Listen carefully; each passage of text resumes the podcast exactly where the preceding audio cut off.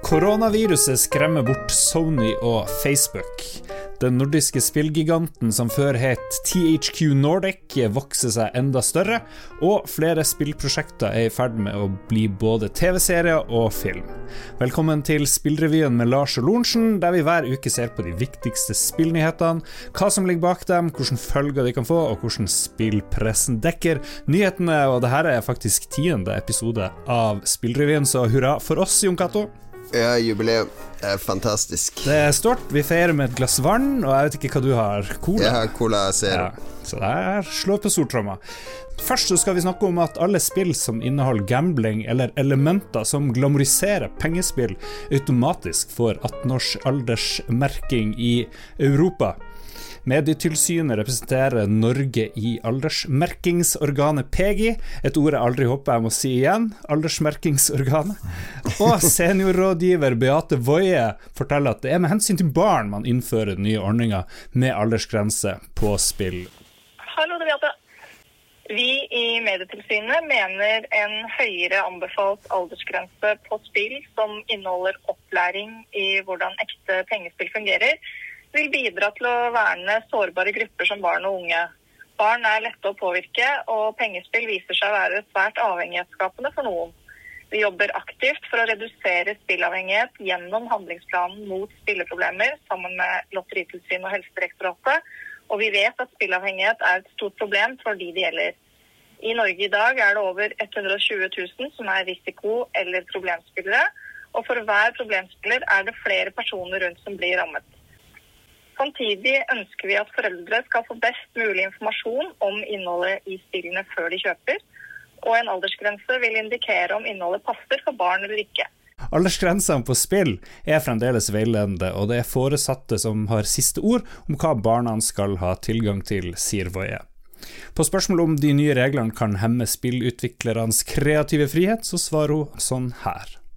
Den regelen som PG kom med nå, den gjelder jo bare for direkte direkte opplæring. Altså, de kaller det for glamorizing or teaching. ikke sant? Altså, det, er fortsatt mulig å ha med si, visuelle inntrykk. Eh, for ja. eksempel, eh, la oss si at du skal, ha, du skal velge en motstander, og så kan, du, så kan spillet på en måte velge det for deg i noe som ser ut som et spill. Mm. Det tror jeg fortsatt skal kunne gå an hvis du skjønner. Men, yeah. men, det er det der også, Sånn som når du lærer å spille poker i Dead, Red Dead Redemption, ikke sant. Og så, mm. Da sitter du og spiller poker sammen med en annen, du lærer deg reglene. Det er, liksom, det er der jeg tror skillet går, da. Ja, hvordan ble nyheten mottatt i spillutviklingskretser, Jon Cato? Uh, nei, med et stort uh, skuldertrekk, vil jeg kanskje si. Nei, det er ikke all verdens engasjement uh, rundt akkurat det, men hvis man tenker litt større på det, så er det jo Altså, jeg er jo krangla med PG mange ganger. Jeg er litt uenig i den der kvantitative tilnærminga de har, der spill skal stykkes opp i, i liksom objektive elementer, og så, og så, ser man på Kan man se at det sitter en person bak rattet i bilen? Ja, nei. Kan bilen krasje? Ja, nei. Da er det automatisk så, så høy aldersgrense. Uh, og som jeg diskuterte med Beate, altså, du hadde jo et dilemma med Kaptein Sabeltann-spill, som ville fått tolvårsgrense fordi man slåss med tresverd mot mennesker, osv. Ja, og så fikk man ned aldersgrensen ved å erstatte piratene med apekatter, var det? Noe sånt? Ja, da fikk du det etter syv år, for da ble det vold mot dyr. Men det her ser du i veldig mange spill, ikke sant? Fordi NHL-spillene i en periode fikk jo 16-årsgrense. Altså, det er ishockeyspill som barn på 10-11 år eh, gjerne vil spille fordi de også spiller ishockey, men det som skjer av og til, i, spesielt i NHL-ligaen, er jo at det blir ganske ampelt på banen, og så kaster de hanskene, og så blir det litt sånne der, eh, små slåsskamper, så dommerne kommer og avbryter, og så blir det to minutter i, i fryseboksen, mm. og så er det tilbake ut på isen. Og eh, fordi at det var sånne slåsskamper, knyttnevekamper, så ble jo aldersgrensa opp til 16 år. Eh, som ikke henger på grep, fordi jeg mener jo at foreldre, hvis de ser at det er dissonans mellom aldersgrensen og innholdet i spillet, altså hvis ikke det henger på grep for de, så slutter man å respektere aldersgrensene. Og hvis det da er et lykkehjul eller en eller annen blackjack-variant i et Mario Party-spill som gjør at spillet får 18 år, så vil jo det undergrave eh, foresattes tillit til aldersgrensene. Ja, Du har jo unger sjøl, det har ikke jeg. Eh, merker du at de får lyst å gamble bort pengene sine når de ser at du spiller Red Dead Redemption og tar et slag poker der? Nei, men de har veldig veldig lyst på V-bucks, så de kan kjøpe seg skins og, og uh, overraskelsespakker. De har lyst på penger i Overwatch, så de kan kjøpe lootboxer der. Og det som er litt paradoksalt, er jo at disse spillene blir jo ikke regulert. Altså disse mekanikkene eh, Altså Ultimate Team i Fifa kan du fortsatt markedsføre ned til små barn og putte i spillet ditt. Og det er jo ekte gambling. Altså det er jo ekte lykkespill. Så jeg, jeg syns det er eh, Jeg syns det er veldig det er, det er ikke en seier for noe som helst, spør du meg, da. Effektene av koronaviruset merkes fortsatt i spillbransjen. Nintendo har tidligere meldt om problemer i produksjon av Switch-maskiner, og flere spillselskap som har ansatte eller kjøper tjenester i Kina, opplever forstyrrelser i driften. Nå er det klart at også spillmesser og konferanser rundt om i verden blir berørt, melder Game Industry Biz. Og I forrige uke så fortalte de at både PlayStation og Oculus ikke drar til Game Developers Conference, som starter 16.3 i USA. Og dit skulle jo egentlig du vet jeg, Jon Cato. Har du avbestilt i virusfrykt? Nei, jeg har fortsatt tenkt å dra dit, men jeg tenker at uh, det vil nok uh, bli en del som mangler der. Altså, det er jo tradisjonelt sett ganske mange kinesiske selskaper der.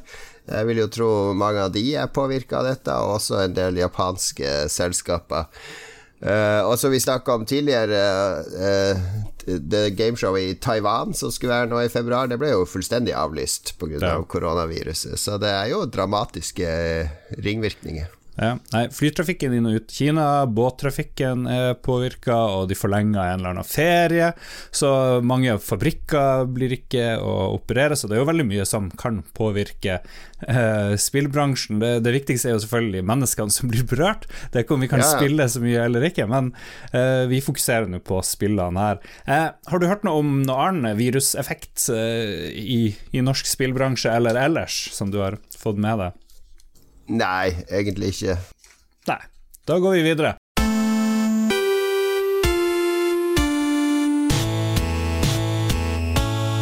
Det svenske holdingselskapet Embracer Group, som før het THQ Nordic, har vokst seg enda større. I forrige uke ble det klart at de har kjøpt opp eh, World War Z-utviklerne Saber Interactive og har nå til sammen over 2500 ansatte. Selskapet har eierinteresser i rundt 26 spillstudio, og det er til sammenligning med i fjor, hvor de hadde rundt 10 studio, så de vokser heftig. Og For noen uker siden Jon så hørte vi om et annet svensk holdingselskap, de her Thunderful Group, som har kjøpt opp eh, Bergsala, en nordisk Nintendo-distributør. Hva er det med de svenskene, og hva er det med holdingselskap og vill satsing på spillindustri? De er flinke og fremoverlente. Det har jo svenskene alltid vært, eh, og vi nordmennene har kanskje ikke vært like flinke. Men nei, de er dyktige. Det det er vel Lars Vingefors som er uh, toppsjefen i Embracer Group. Og han er jo en ringrev i bransjen, har jo holdt på siden 90-tallet. Jeg tror han har litt sånn bakgrunn som de som starta Spiderman i sin tid, altså Aha. Bjørn Thomas Høen her i Norge. Og begynte med tegneserier og litt sånne ting, han òg. Uh, eh, og jeg mener å huske når jeg jobba i butikk, at han drev og solgte inn sånne budget-pall uh, Du kunne kjøpe en palle med spill der hvert spill kosta 30 kroner, liksom. Masse gammelt ræl, så du da kunne ha en sånn tilbudspalle i butikken. Så han holdt på med masse sånn wheeling og dealing og og fikk til ting, da. Var veldig sånn entreprenør. Så nå, nå, har han jo virkelig fått til. Altså THQ Nordic, når det kom, så var det mange som tenkte ja, ja. Og så kjøpte de opp Darksiders og et par andre sånne uh, halvkjente merkevarer. Men nå er det blitt en stor aktør. Ja. Og hva skal til, vi har jo snakka litt om det, hva skal til for at norske investorer skal hoppe på det her? De liker olje, de liker fisk, de liker trauste ting. Eh, jeg tror vi må starte opp noe sjøl her, Kato. Det høres ut som egentlig det eneste utvei. Ja, spiller vi en holding AS kan bli den store norske som skal kjøpe opp studier over hele verden. Yes, vi starter i neste uke, tror jeg.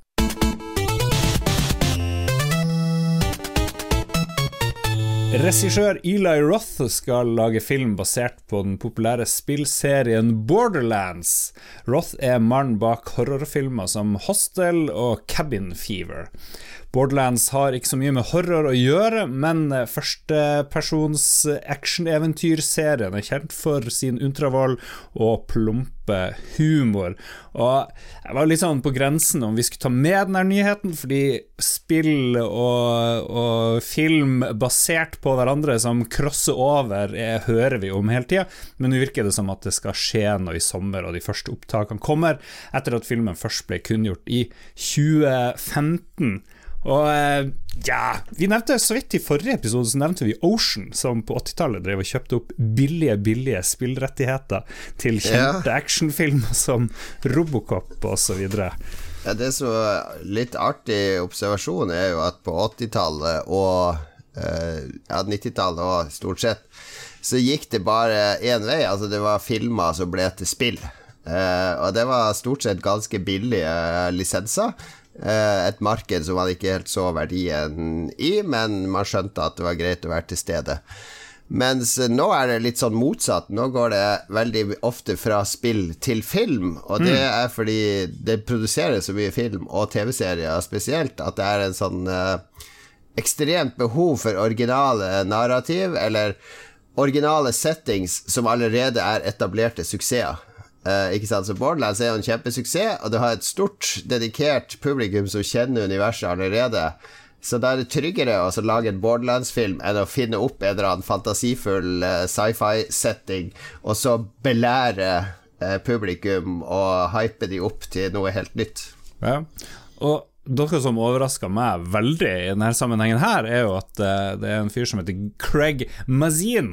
Han har skrevet Hangover 2, greit manus, men han har også vært med tungt involvert i Tsjernobyl-dokumentar, eller ikke dokumentar, men dramatiseringa uh, på HBO av Tsjernobyl-ulykka, som er helt magisk, magisk laga. Så da fikk jeg litt, litt trua, da fikk det prosjektet litt mer, litt mer bein på, kjøtt på beina. Men han her regissøren, han her Eli Roth, han er jo en sånn Tarantino-favoritt som lager litt sånn her veldig B- og exploitation-greier. Han kalles jo for sånn her Hva heter det?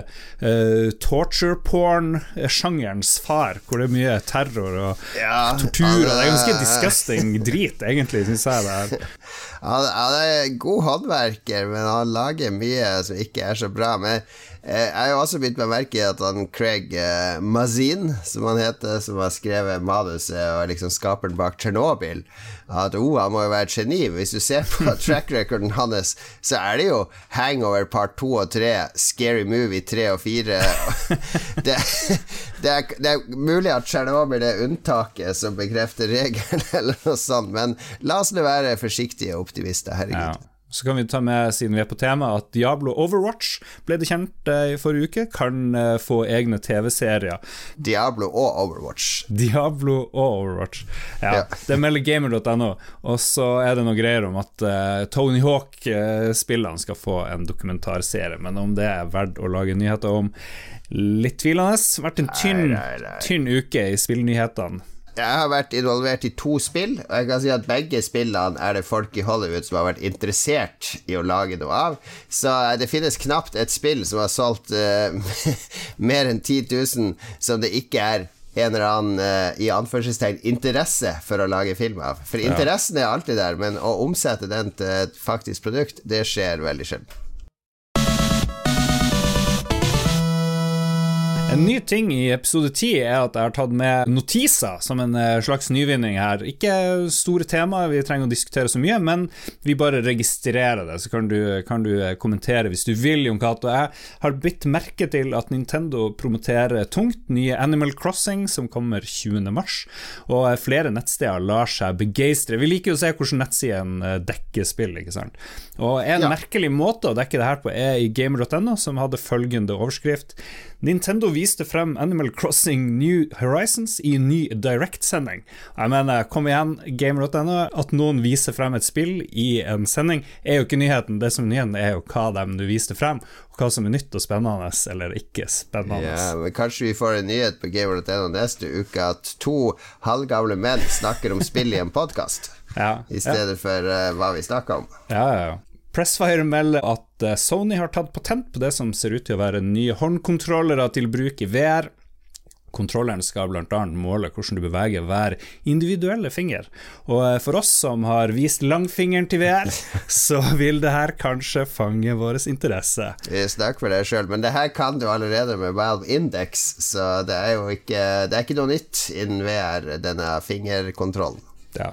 Det var notisene denne uka.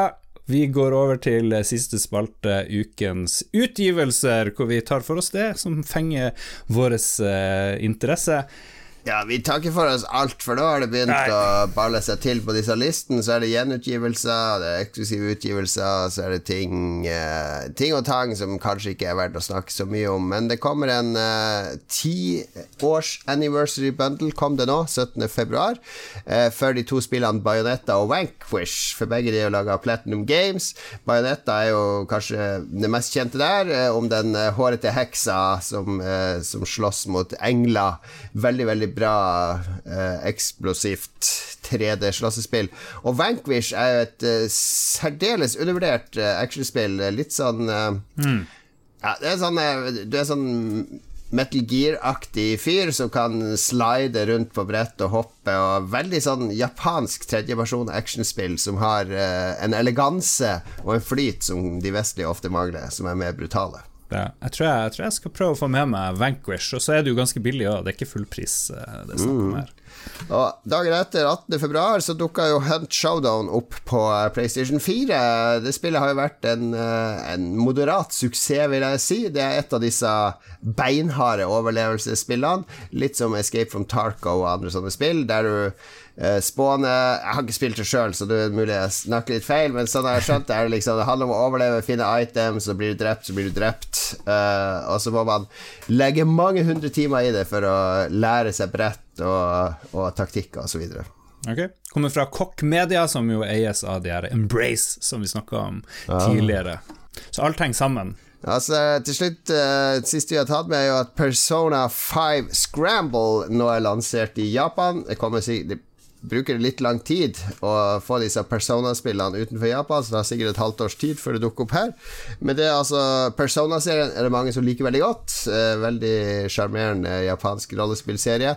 Men dette er da den skal vi si obligatoriske eh, Muso-varianten av Ah. Persona. Det er, mange spill har fått den behandlinga. Det er disse Dynasty Warriors-spillene, der du en enslig kriger som kriger mot eh, hundrevis, tusenvis av soldater som du bare kan sveipe unna med enkle tastetrykk. Nå har også Persona fått eh, et eget spill i denne sjangeren.